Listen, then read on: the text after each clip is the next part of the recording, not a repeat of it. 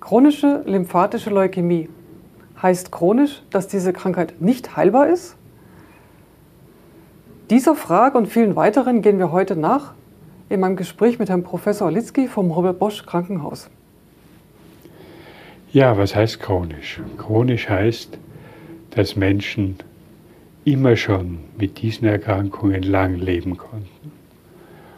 Und daher die Frage der Heilbarkeit sich nur für die Menschen stellt, die aggressivere Varianten haben. Und daher man Heilung nicht bei jedem anzielen muss. Eine weitere sehr bekannte chronische Erkrankung ist ja die Diabetes. Kann man das so vergleichen bezüglich Gefährlichkeit und Einschnitt in die Lebensqualität? Oder muss man sagen, nee, das ist schon nochmal was anderes, eine chronische lymphatische Leukämie? Also die Einschränkungen, die Menschen haben, sind bei chronisch lymphatischer Leukämie zum Teil deutlich geringer als beim Diabetes. Ach.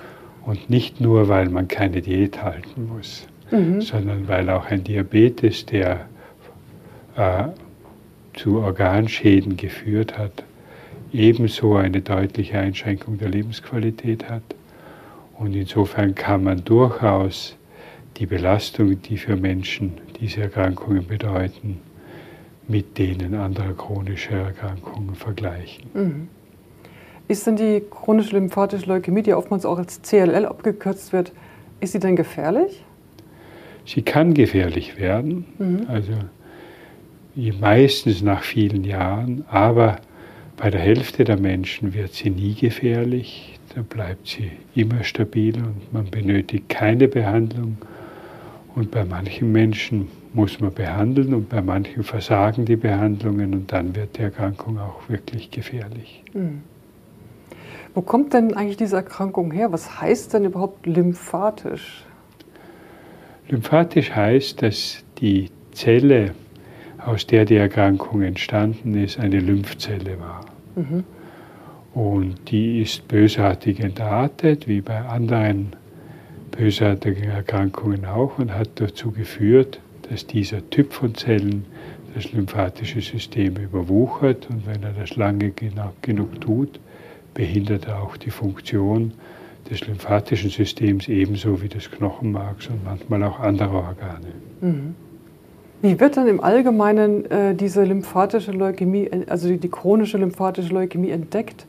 Haben die Leute Symptome oder ist es meistens Zufall oder wie muss man sich der das? Der überwiegende Teil der Patienten wird als Zufallsbefund entdeckt. Mhm.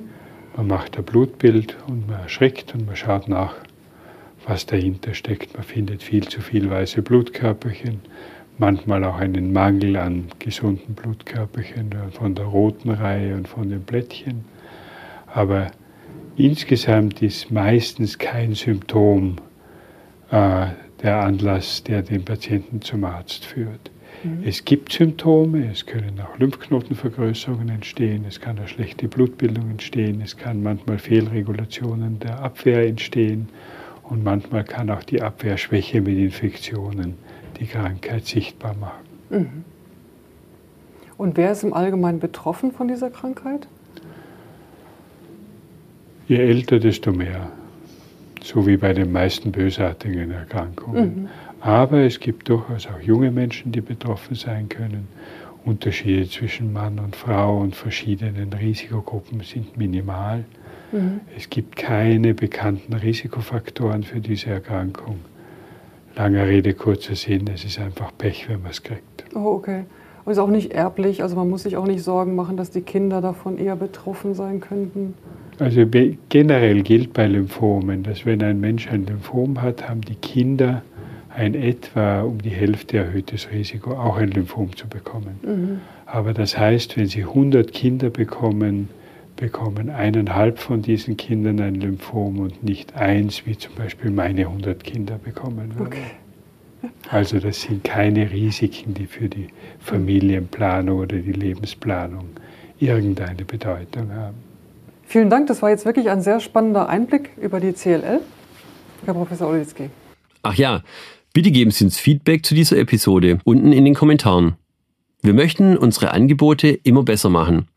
Wenn Sie also konkrete Fragen haben und Sie bestimmte Themen besonders interessieren, Lassen Sie es uns unter dem Video oder per Mail wissen. Und übrigens, abonnieren Sie unseren Kanal, dann verpassen Sie keine weitere Folge.